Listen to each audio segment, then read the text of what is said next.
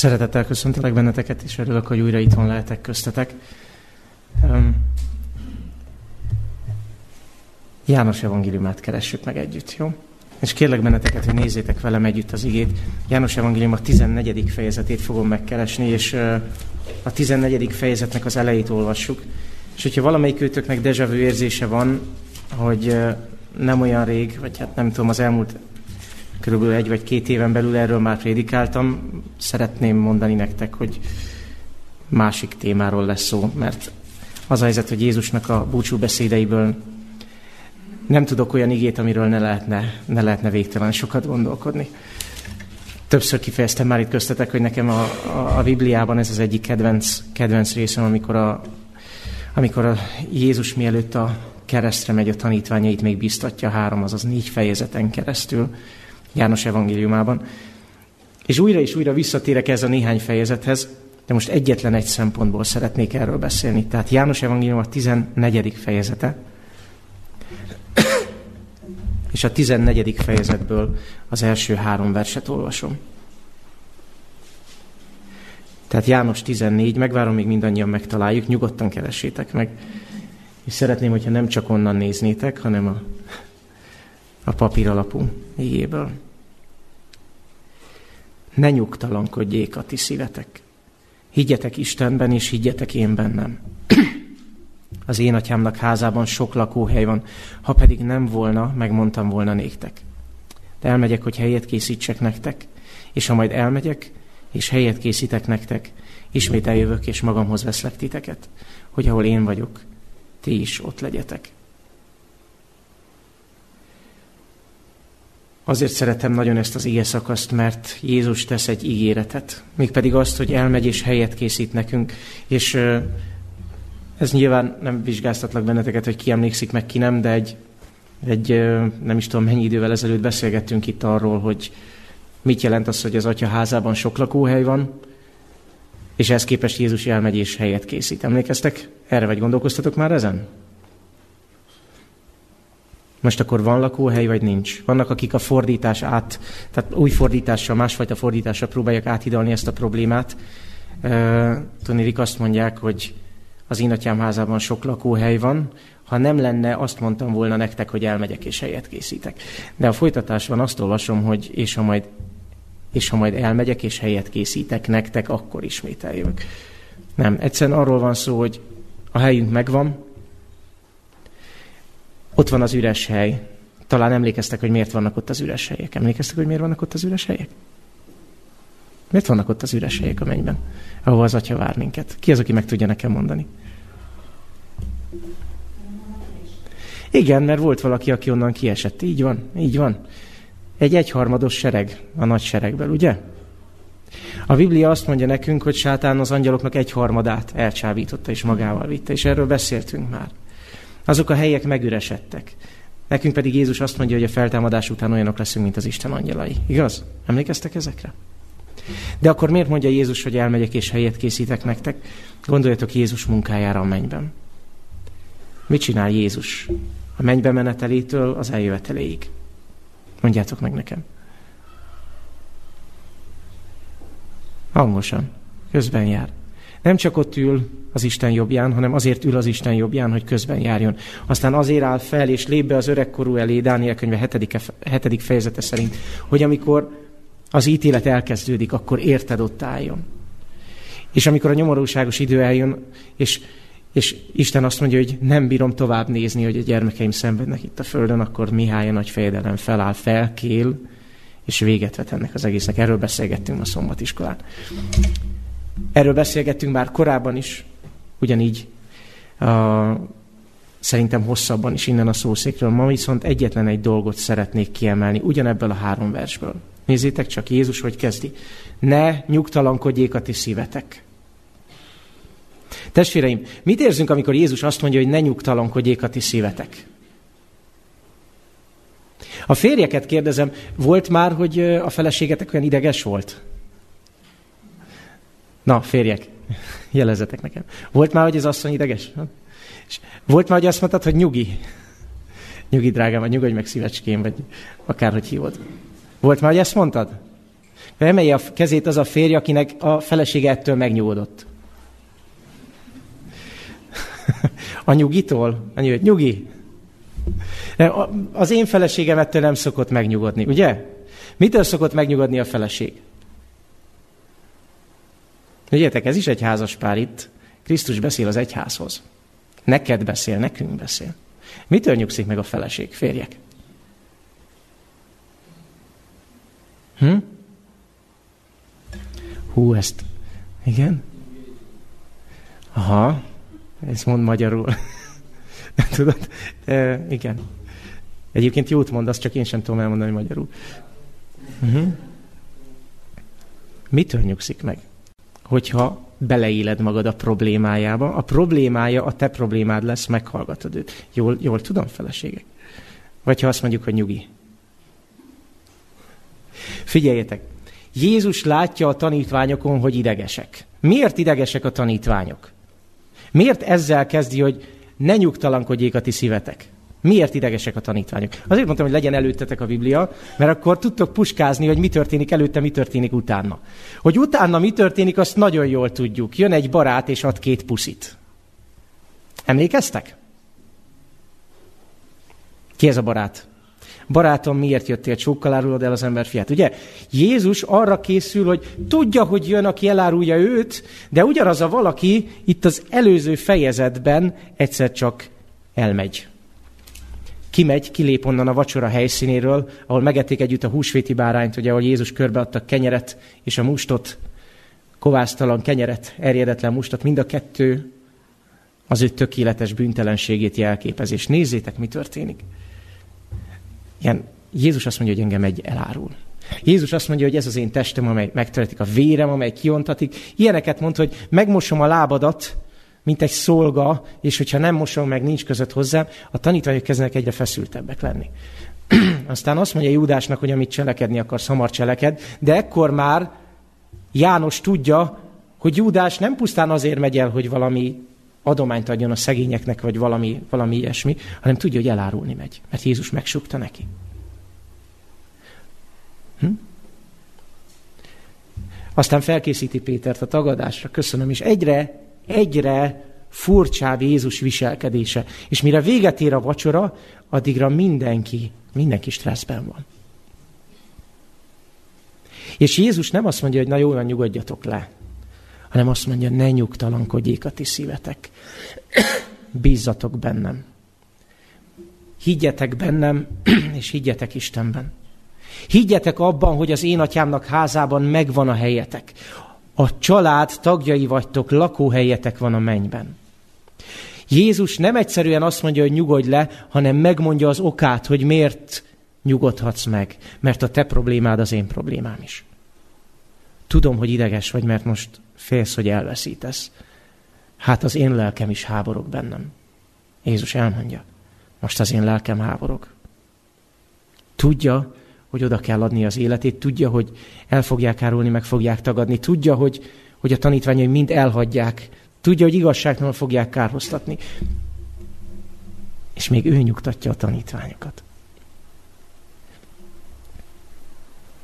Ha igazi nyugalmat akarsz adni a feleségednek, akkor meg kell adnod az okát. Tudnod kell, egy biztosítékot adni arra, hogy nem kell idegeskednie, megnyugodhat. És Jézus pontosan ezt teszi. Van hely az én atyámnak házában. Nézzétek, Jézus mivel ad nyugalmat? Van helyed a mennyben.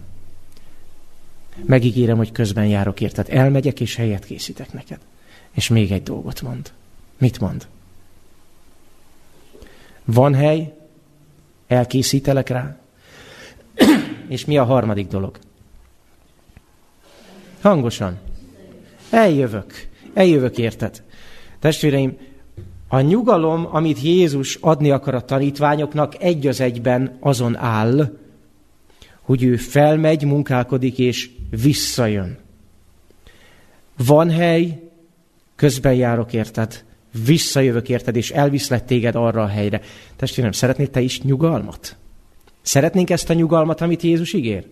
Tudjátok, hogy mi a jó ebben? Az, hogy Jézusnak van két mondat, azt mondja, ha nyugalmat akartok, Jézus ezt mondja, jöjjetek én hozzám, mindnyájan, akik megfáradtatok, és én nyugalmat adok. Ugyanakkor azt mondja, eljövök értetek, úgyhogy nyugodjatok meg. Akár melyik irányból nézed, a Jézussal való találkozás adja a nyugalmat, nem? Jöjjetek én hozzám, de én is eljövök hozzátok. Azt mondja, hogy a keresztény ember reménysége ez. A te nyugalmadnak az alapja ez, hogy Jézus el fog jönni. Tudjátok, hogy ez egy elfelejtett keresztény tanítás? Feltűnt? Mi az, ami a keresztény embernek ma nyugalmat ad? Ami reménységet ad hosszú távon? Idézem Petőfi Sándort? Ősi joggal, ősi házban életem, ha elpipáltam, mennybe visznek angyalok. Ugye? Tehát az emberek gondolkodásában az van, hogy leélem az életem, aztán meghalok, akkor majd az angyalok a halhatatlan lelkemet a mennybe röppentik. Vagy aki nem ebben hisz, hanem abban, hogy itt, csak itt a Földön van életünk, akkor hagyunk valamit az unokáinkra. Egy jobb klímát, vagy valami jó találmányt, egy szebb társadalmat. Testvérem, annyi minden féle módon keresi az ember a reménységet. És a Biblia azt mondja, hogy egy reménység van. Nem az, hogy a lelked halhatatlan, sőt azt mondja, hogy a lelked elalszik, kész. A holtak várják a feltámadást. Nem ígéri ilyet a Biblia, hogy mennybe röppensz a holtott pillanatában. Mi a reménység a Biblia szerint? És a tanítványaik, tanítványok néhány igét idézek, szemeiket égre függesztették, amikor ő eltűnt előlük, és melléjük állt néhány fehérruhás, két fehérruhás férfi, és így szóltak. Galileai férfiak, mit álltok itt nézve a mennybe? Ez a Jézus, akit felviteték tőletek a mennybe ugyanúgy jön el, amiképpen láttátok őt felmenni a mennybe. Ez az apostolok cselekedetei. Filippi levél, ami országunk a mennyekben van, ahonnan a megtartó Úr Jézus Krisztust várjuk. Zsidókhoz írt levél. Jézus másodszor a bűnhordozás nélkül jelenik meg azoknak, akik őt várják üdvösségükre. János Evangélium 5. fejezet. Eljön az óra, amelyben azok, akik a koporsókban vannak, meghallják az ő szavát, és kijönnek a feltámadásra.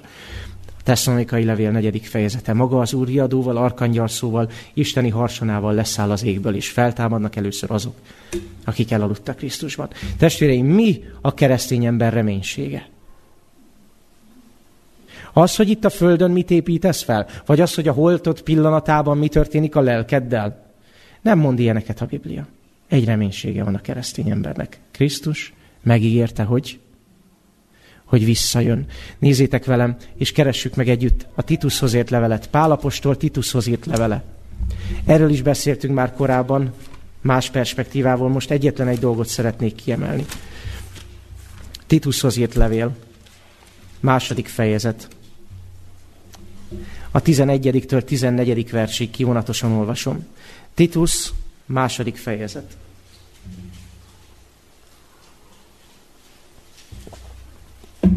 Pál azt üzeni Titusnak, Pál azt üzeni Titusnak, aki Krétán volt misszionárius, hogy hirdesd azt, hogy megjelent az Isten üdvözítő kegyelme minden embernek. Azaz az evangélium minden ember számára, evangélium mindenki számára adatott az örömhír, amely arra tanít minket, hogy igazán és szentüljünk ezen a világon, megtagadva a régi életünket. A kegyelem tanít, de nézzétek a 13. verset. Ugye még itt ezen a földön élünk, és a kegyelem tanít minket. Mit mond a 13. vers?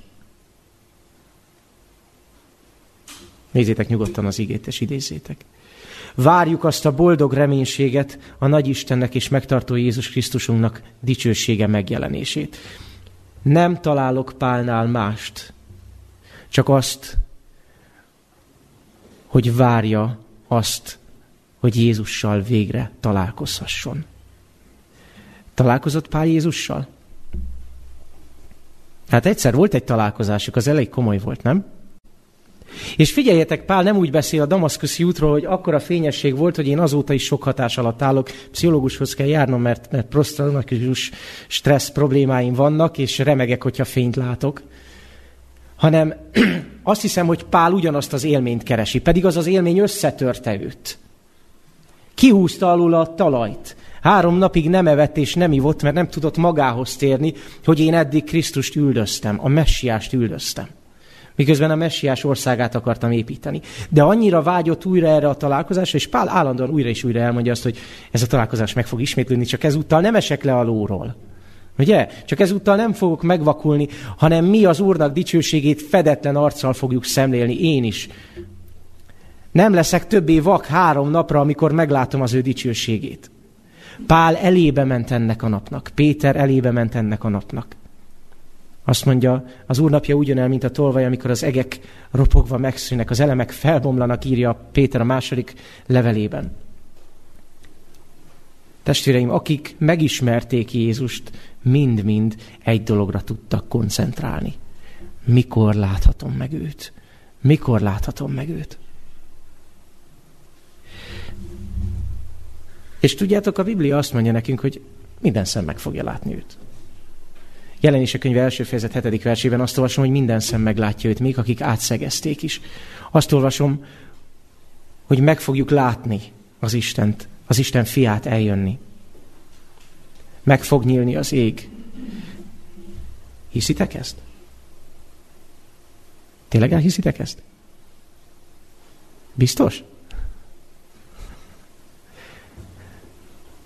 Van annak jele, hogy Jézus el fog jönni? Mert van, aki semmi jelét nem látja annak, hogy Jézus eljön. Jézus pedig maga azt mondja, hogy ennek lesznek jelei. És nem tudom, hogy kell-e felsorolnom egy adventista gyülekezetben, hogy milyen jelei lesznek annak, hogy Jézus eljön. Na, kell. Mondjatok csak nekem három-négy dolgot. Azt olvasom Pálapostolnál, hogy nem jön el addig Jézus, amíg. Ez a második tesszanikai levél. Nem jön el addig, amíg előbb Aha, bekövetkezik a szakadás. Azt mondja, azt mondja Pálapostól, hogy a keresztény egyházban előbb be kell következnie egy általános hiteagyásnak. A hiteagyás nem olyan természetű lesz, hogy elhagyják a kereszténységet. Pálapostól után egy olyan 300, hát a 360-as években volt egy császár, akit úgy hívnak, hogy a hitehagyó Julianus, Julianus apostáta, és ő elhagyta a kereszténységet kemény két évre. De ekkor már a kereszténység elhagyta Krisztust. Tudjátok, Julianus császár, tudjátok, ez már a konstantini fordulat után van, a kereszténység államvallása tétele előtt egy húsz évvel. Tudjátok, hogy miért tért vissza egy keresztény római császár a pogányságra? Azt írja a történetíró, hogy Julianus megbotránkozott. Így írja, a vadállatok kíméletesebbek egymással, mint ezek a keresztények. Yeah. Nem erről a hitehagyásról beszél, hogy volt egy császár, aki letért. Arról az általános hitehagyásról beszél, hogy a keresztények megszűntek keresztények lenni a szó eredeti értelmében, Krisztus követőinek lenni, Krisztus visszatükrözőinek lenni. Azt mondja nekünk Pálapostól, hogy Jézus eljövetele előtt, mielőtt mindez bekövetkezne, hogy az egek ropogva elmúlnak, és megjelenik az a kis felhő, stb. Ismeritek a jeleneteket. Mielőtt ez bekövetkezne, előbb a kereszténységben történnie kell egy nagy szakadásnak. A kereszténység továbbra is kereszténységnek fogja magát nevezni, mert azt mondja, ez a hatalom, ez a hiteagyó hatalom maga ülve, mint Isten az Isten templomában, és Isten gyanánt fogja mutogatni magát. A kereszténység továbbra is azt hiszi magáról, hogy ő a kereszténység, és Jézus ránéz, és azt mondja, nem, nem, ők nem az én követőim. Lehet, hogy a szájukkal vallanak, de a cselekedeteik mások. Nem jön el az addig, míg be nem következik a szakadás. Aztán mi történik még? Nem jön el addig, és ez még nem itt a vég, amíg be nem következik az, hogy hallanotok kell. Háborúkról, háborúk híre. Hallunk háborúk híreiről manapság? Éva, hallunk háborúk híreiről? Éva minden nap hall róla. Igen. Vagyunk egy néhányan, akik érintettek vagyunk, rokonság vagy, vagy baráti kapcsolatok révén. Van egy barátom, aki lelkész Ukrajnában. És be akarják sorozni. És tudjátok, mint, nem csak mint lelkész, hanem mint keresztény ember, ő nem akar fegyvert fogni. Mit teszel ilyen helyzetben? És tudjátok, ez nem a világ végén van. Ez itt van a szomszédban. Egy barátom, akivel együtt tanultunk. Biztos olvastatok meg, hallottatok róla. Hallanatok kell háborúkról. Hallunk? Igen, hallunk. Egyre közelebbről hallunk. Lesznek, mit mond Jézus? Mi még? Földindulások. Hallunk földindulásokról? Hm, igen. És még hallunk mostában járványokról? Tudjátok, hogy most már a Covid nem divat, most jön a Disease X. Az X betegség. Tudjátok, mi az X betegség? Na mi sem, senki nem tudja, de jönni fog egy X, ami nem is tudom, talán 20-szorosra becsülik, hogy kb. 20-szoros lesz a tarolás. És amikor ilyeneket mondanak, akkor, akkor mindig rám jön egy kicsit a frász, mert azt nem tudom mennyire tudjátok, hogy a német tudósok a Covidot is kiszámították előre. Nem a kis ujjamból veszem ezt, hanem megnézitek a, a német parlamentnek a honlapját, ott van egy 2013-as tanulmány. Hogyha Kínából elindulna egy vírus, egy, egy SARS vírus, akkor az milyen lenne? Igen. A tudomány nagyon sok mindenre képes, nagyon sok mindent előre meg tud, meg tud látni. Ugye? Nézzétek, hallanotok kell háborúkról, hallanotok kell földindulás, járvány, éjség, stb. Hallanotok kell mindezekről a válságjelenségekről. De Jézus mit mond? Ez még nem itt a vég. Ezeknek mind meg kell előznie Jézus eljövetelét. De tudjátok, nem csak a negatívumokról akarok beszélni. Igen, ez valóság, ez realitás. Most már egyre inkább test közelből érezzük. Mindannyian vagyunk, akik veszítettünk el valakit járványban, mindannyian vagyunk, akik, akik, akiknek vannak barátaik háborús övezetben. Ugye? Szerintem kb. mindannyian vagyunk. Nem csak ezek vannak.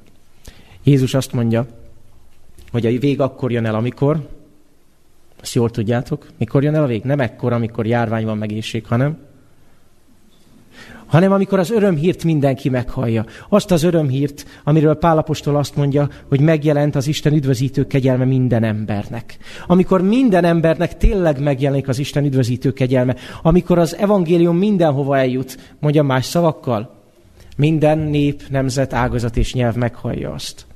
Akkor jön el a vég.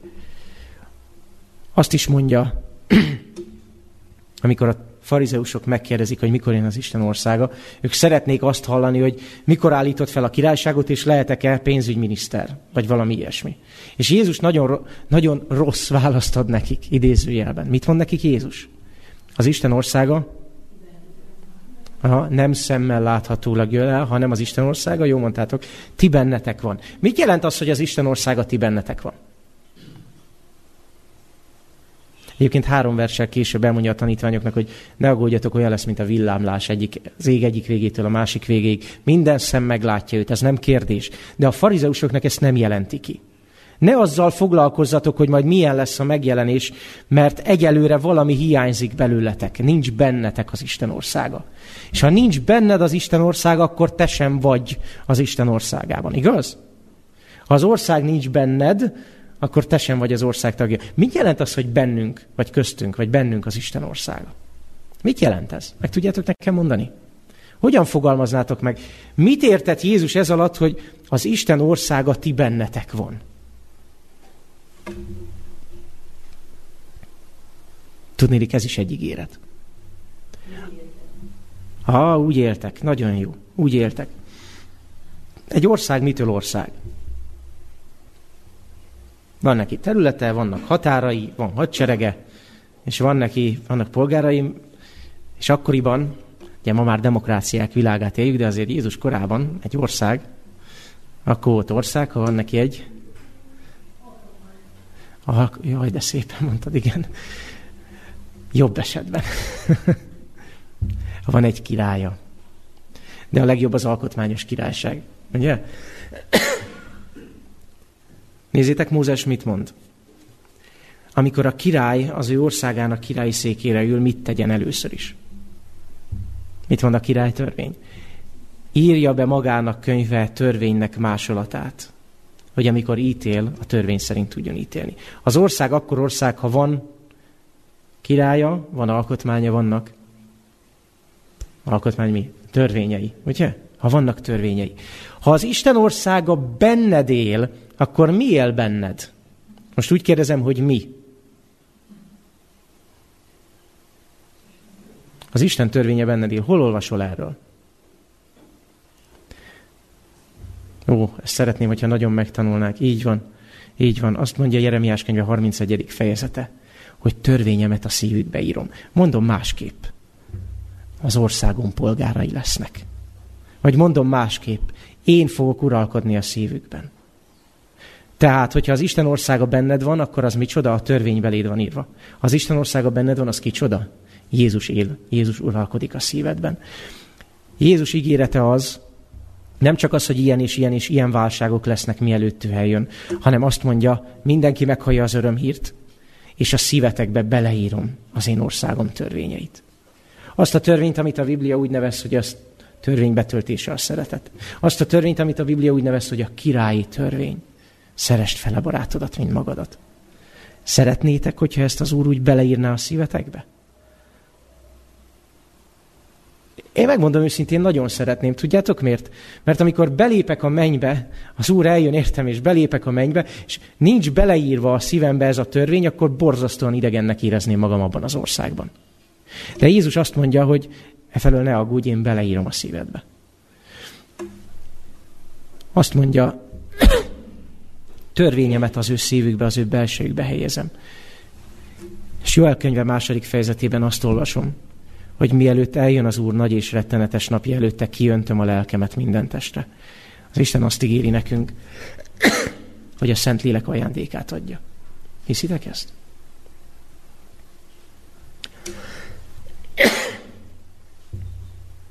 Azt hiszem, hogy ha az idők jeleit nézem, akkor Jézus eljövetele tényleg a küszöbön van. Ha a saját magam készenlétét nézem, akkor van némi aggodalomra okom. Testvéreim, én nem érzem azt, hogy nekem minden dolgom tökéletesen rendezett az Istennel. Napról napra azt találom, hogy az Isten új és új dolgokat világít meg, és tudod, mire azt hinnéd, hogy valamit magad mögött hagytál, és hála az Úrnak ebben győzelmet arattam, akkor az Úr felkapcsolja a másik, a harmadik, a negyedik és az ötödik reflektort, és újabb és újabb sötét sarkát mutatja meg a szívemnek. Nem tudom, hogy csak én vagyok ilyen szerencsétlen, hogy tele van a szívem ilyesmivel amiket nem is tudtam eddig, és az Úr felhívja rá a figyelmet, vagy vannak itt még testvéreim, akiknek ugyanez a problémájuk. Testvéreim, Jézus szeretné, ha a szívünkben lakhatna. És ahhoz, hogy a szívünkben lakjon, az az igazság, hogy rendet kell, hogy rakjon a szívünkben. Jézus ígérete az, hogy ő eljön, és magához vesz minket, de azt mondja, hogy miközben az eljövetelt várjuk, ő helyet készít számunkra a mennyben, vagy mondom fordítva, önmaga számára a szívünkben. Jézus, aki az elveszett emberiség megváltásáért megüresítette és áldozatul adta önmagát, mérték nélkül kapta a szent lelket. Ugyanígy megkapja minden követője, aki teljesen átadja magát neki, hogy Krisztus a szívében lakozzon. Urunk megparancsolta nekünk, teljes egyetek be szent lélekkel. Ez a parancsolat egyúttal ígéret, amely önmagában hordja beteljesülését. Az atyának úgy tetszett, hogy Krisztusban benne lakozzék az Istenség egész teljessége. És azt ígéri, ti is ő benne vagytok beteljesedve. Testvéreim, egy nap meg fog nyílni az ég. Emlékeztek erre a jelenetre? Olvastátok? Olvastátok bizonyára. Jelenések könyve 19. fejezetében azt mondja, láttam, hogy az ég megnyílt. Ez a 11. vers. És ha tehetitek, lapozzátok fel velem. Láttam, hogy az ég megnyílt, és ott volt egy fehér ló. Miért fehér ló? Megvárom, míg fellapozzátok, nyugodtan lapozzátok. Jelenések könyve 19. fejezete, majdnem a Biblia legvégén. Könnyű megtalálni. Láttam, hogy az ég megnyílt, és ott volt egy fehér ló. Íme vala egy fehér ló. Miért fehér ló? Mi ez a fehér ló? Minek a szimbóluma a fehér ló? Ki az, aki fehér lovon vonul be? Most ezúttal nem kassára. Aki ismeri a történelmet, tudja, hogy kiről beszélek, igen. De vannak köztünk kassaiak. Mit jelent a fehér ló? Mit jelképez? Ha? A győzelmet. A győzelmet. A győztes hadvezér érkezik fehér lovon. Azt mondja, megnyílt az ég, és ott volt egy fehér ló, és aki azon ült, őt úgy hívták, hogy hűséges és igaz. Ki ez a hűséges és igaz? Jézus Krisztus. Megnyílik az ég, és a győztes hadvezér, akinek az a neve, hogy hű és igaz, aki igazságosan ítél és hadakozik, megjelenik. Az ő szemei olyanok, mint a tűzlángja, a fején sok korona, és az ő neve fel van írva, amit senki nem tud, csak ő maga. Mi az ő neve? Mi az, hogy csak ő maga tudja a nevét? Mit jelent ez a név, amit csak ő maga tud? A Bibliában van egy ilyen, egy ilyen kifejezés, hogy csak te tudod, csak ő maga tudja. Jézus tudja egyedül a, a saját nevét, aki a fehér kövecskén új nevet kap, azt is csak ő maga tudja. Akik énekelnek a bárány trónja előtt, az, előtt, azok is csak maguk tudják azt az éneket, és senki nem tanulhatja meg. Mit jelent ez, hogy csak ő maga tudja? Hangosan. A tapasztalat olyan tapasztalat, amit senki más nem tud. Nincs az univerzumban még egy lény, aki tudná, mit jelent az atyától elszakasztva lenni úgy, hogy nem azt érdemled. Nincs az univerzumban még egy lény, akire minden bűn ártatlanul rá lett terhelve. Ezt a tapasztalatot egyedül Krisztus érte meg. Te, amikor fehér követ kapsz, és a fehér köven új nevet, vagy új éneket tanulsz, amit csak te tudsz elérekelni, senki más nem tudja megtanulni, ez mit jelent? Az a tapasztalat, amit Krisztussal szereztél. Az a megmentő munka, amit értettett. Az a munka, hogy abból a sötét szívből kipucolt mindent. Még az én szívemből is. Még az én kőszívemből is tud hús szívet, érző szívet teremteni. Ezt a tapasztalatot egyedül én mondhatom majd el. Egyedül te mondhatod majd el a tiédet. Egyedül te tudod elmondani annak a láncnak a hosszúságát, amit leengedtek érted a mennyből. Egyedül te tudod, hogy Jézusnak milyen messzire kellett elmennie, érted? Amikor megjelenik az ég felhőiben, fehér lovon fog ülni. Miért? Mert ő a győztes. Mit győzött le? Legyőzte a halált, legyőzte a bűnt, legyőzte a bűneidet. Sikerült elérnie azt, hogy neked helyed legyen a mennyben, hogy a menny számodra ne egy idegen hely legyen, hanem annak állampolgára legyél. Fehér lovon ül, és mennyei seregek követik őt fehér lovakon, fehér és tiszta gyolcsba öltözve. Mi a tiszta gyolcs? Mi ez a tiszta fehér ruha? Tiszta jellem, ugye? Tiszta jellem. És az ő szájából éles kard jön ki, hogy azzal verje a pogányokat, és legeltetni fogja azokat vasvesszővel.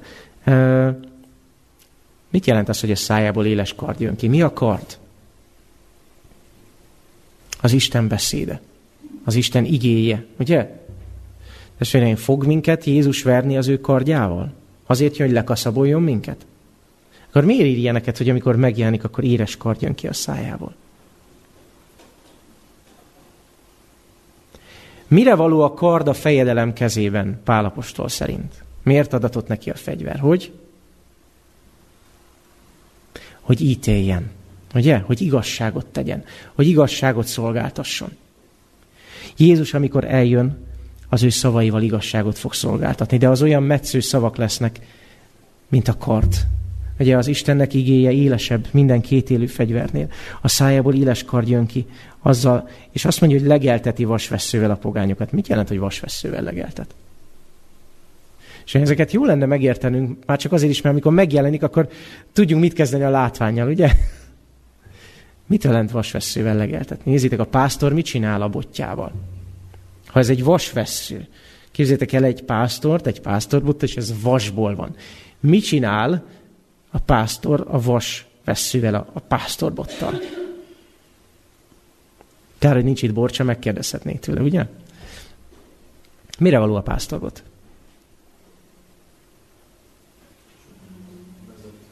Uh-huh. Azzal vezet. Ahol látják a, a botot menni, ugye keleten a pásztor megy elől. Nem a pulik hajtják a, a, a nyájat, hanem megy elől a pásztor, és amerre a pásztor megy, arra követi a nyáj. Igen. Mire való a pásztorbot? A végén utána jól meg tudja nézni a birkának a körmét. Nagyon jó. Mire való még a pásztorbot? Főleg, ha vasból van. Hangosan imi. Emlékeztek, van a Bibliában egy nagyon jó pásztor, aki a, aki a jó pásztorról ír, maga is pásztor volt. Dávid. Mire használta a botját? Ha jött a medve, farkas, oroszlán, bármi, Bármelyiket legyőzte, a, akár a paritjájával, ugye ő paritját használt, vagy akár a veszély, stb. Hátáugrott az oroszlánnak, és megfojtotta. Emlékeztek? Figyeljetek, Jézus kezében miért van vasvessző? Az erejét szimbolizálja. Közel tud kerülni a farkas a nyájhoz, amíg a pásztor ott van a vasvesszővel? Nem. Testvéreim, az a vasvesző a kezében a te életbiztosításod. Ugyanakkor az ítélet jelképe is. Mert a, a Zsoltárokban azt olvasom, hogy összetör vasveszővel minden főt. Messze földön. És itt leírja, azt mondja, ő nyomja a mindenható Isten haragja hevének borsajtóját. Jézus úgy jön el, mint aki teljes joggal uralkodik és ítél. Az ő népes szabadítására jön el, és az ellenség legyőzésére. Erről tanultunk ma a szombatiskolában. Melyik oldalon szeretnél állni azon a napon? Ez egy költői kérdés, nyilván a jó oldalon szeretnél állni. De miért szeretnél ott állni? Azért, mert félelmetes a pásztor ezzel a vasveszővel? Azért szeretnél a jó oldalon állni, mert nem akarsz a borsajtóban lenni, amit, amit összenyom? Vagy azért, mert leültél vele vacsorázni, és a szívedre beszélt, amikor azt mondta, ne nyugtalankodjék a te szíved. Eljövök, érted? Az én atyámnak házában sok lakóhely van. Testvéreim, Jézusnak nem az kell, hogy te mennyire akarsz üdvözülni,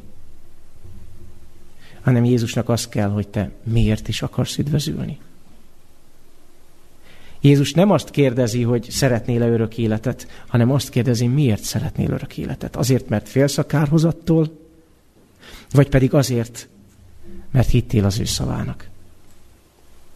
Azért, mert vártad őt üdvösségedre, azért, mert ez volt a reménységed. Azért, mert számodra is ez volt a boldog reménység. Vártad, hogy mikor jelenik meg a felhőkön. Itt mindannyian, majdnem mindannyian családos emberek vagyunk. Nem tudom, hányan emlékeztek arra az élményre, amikor először küldöl a gyerekedet egyedül zeneiskolába. Bárhova, iskolába, bármi. Emlékszünk erre az élményre? Akik szülők vagyunk. Szerintem igen. Mikor a gyerek előtt nézel ki az ablakon, miért nem vittem el autóval? Nem, most már el tud menni egyedül. Volt ilyen élményünk? Rémlik? Amikor ugye a legelején engeded el először. Aztán idő után megszokod. Testvéreim, én nagyon-nagyon szeretném a gyermekeimet teljes biztonságban tudni. És nem csak amiatt, hogy van neki GPS-es karórája, és tudom követni a telefonomon, hogy merre jár a gyerek, és küldi a riasztást, ha kilép a körből. Tudjátok, vannak ezek a gyerekkövető karórák. Nem csak azért, mert nem is tudom, tudom, hogy jó emberekre bíztam, meg ott jó közegben van, meg, meg majd felhív, hogyha jön haza. Én úgy szeretném a gyermekeimet biztonságban tudni, hogy ott soha senki nem férhet a közelükbe aki ártana nekik. Én egy százszázalékos életbiztosítást szeretnék a gyermekeimnek kötni, és az a helyzet, hogy magamra is. Szeretném biztonságba tudni magamat, szeretném biztonságba tudni magunkat. Szeretnétek a családot biztonságban tudni? Az a jó hírem, hogy nem kell, hogy nyugtalankodjon a mi szívünk. Csak higgyetek Istenben, és higgyetek Krisztusban, mert ott van a biztos menedék. Ő elkészítette azt a helyet. És mindenkit oda-vissza kivárja őt üdvösségére. Testvéreim, a kereszténység elfelejtette ezt a tanítást.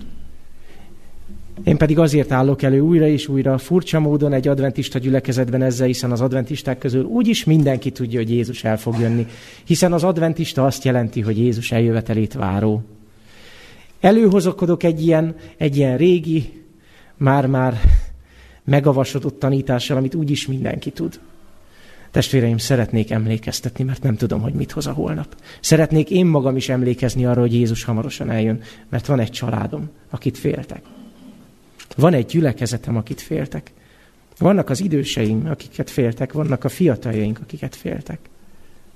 És nem úgy akarlak titeket félteni, hogy stresszelek azon, hogy mi történik veletek. Hanem szeretném, ha szomszédok lennénk. Szeretném, hogyha nem kéne elköszönni egymástól. Szeretném, hogyha olyan helyen lakhatnánk, ahol, ahol a, nem kell bezárni semmit. Ahol nem ébredek szombat reggel arra, hogy elvittek valamit az udvarról. True story. Ugye? Hanem szeretnélek benneteket egy olyan helyen tudni, ahol bármikor meglátogathatjuk egymást, és nem fáradunk el egymás társaságában. És ahol az asztalfőre meghívhatjuk, ha vendégségben vagyunk, az asztalfőre meghívhatjuk magát a királyt. És a királynak pont lesz ideje eljönni, mert mindig van ideje eljönni. Szeretném egy olyan helyen tudni a gyülekezetemet, ahol már nem jön farkas, nem jön medve, nem támadhatja semmi a nyájat. Szeretnélek benneteket a mennyben tudni. Szeretnétek engem a mennyben tudni? Remélem kibírjátok majd velem. Testvérem, Jézus hamarosan eljön. Az ég hamarosan megnyílik. Tudom, hogy sokszor hallottátok, csak kérlek, emlékezzetek erre. Akármit hoz a holnap. Az ige azt mondja nekünk, az ő szemei olyanok, mint a tűzláng, és ezzel szeretném befejezni. Jézus szemei mindent átlátnak. Félelmetesen belenéz a röngen szemeivel az emberbe. Félelmetes akkor, hogyha a szívben még van valami, ami nem oda tartozik. De nézd másik oldalról. Az ő szemei olyanok, mint a tűzláng. Az a tűz a szeretet tüze. Az a tűz az a tűz, amit akkor látsz, amikor valaki olyan néz rád, aki nagyon-nagyon szeret, annyira, hogy az életét adja, érted? Testvéreim, én ezt a megváltót várom az ég felhőiben. És remélem ti is. Amen. Menjél, atyánk, köszönjük, hogy te elküldted értünk a te egyszülött fiadat.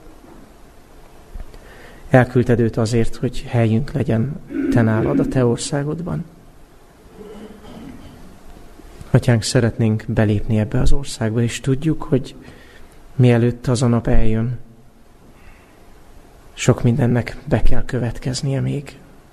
Te adtál nekünk támpontokat, az időt nem mondtad meg, de az idők jeleit elmondtad. Segíts, atyánk, hogy az idők jeleiből azt, a, azt az ígéretet szűrjük le magunknak, hogy ez a nap közel van. Nem félni szeretnénk, atyánk, hanem egészen biztosak lenni abban, hogy Jézus eljövetele tényleg itt van az ajtó előtt. És egyedül erre akarunk fókuszálni.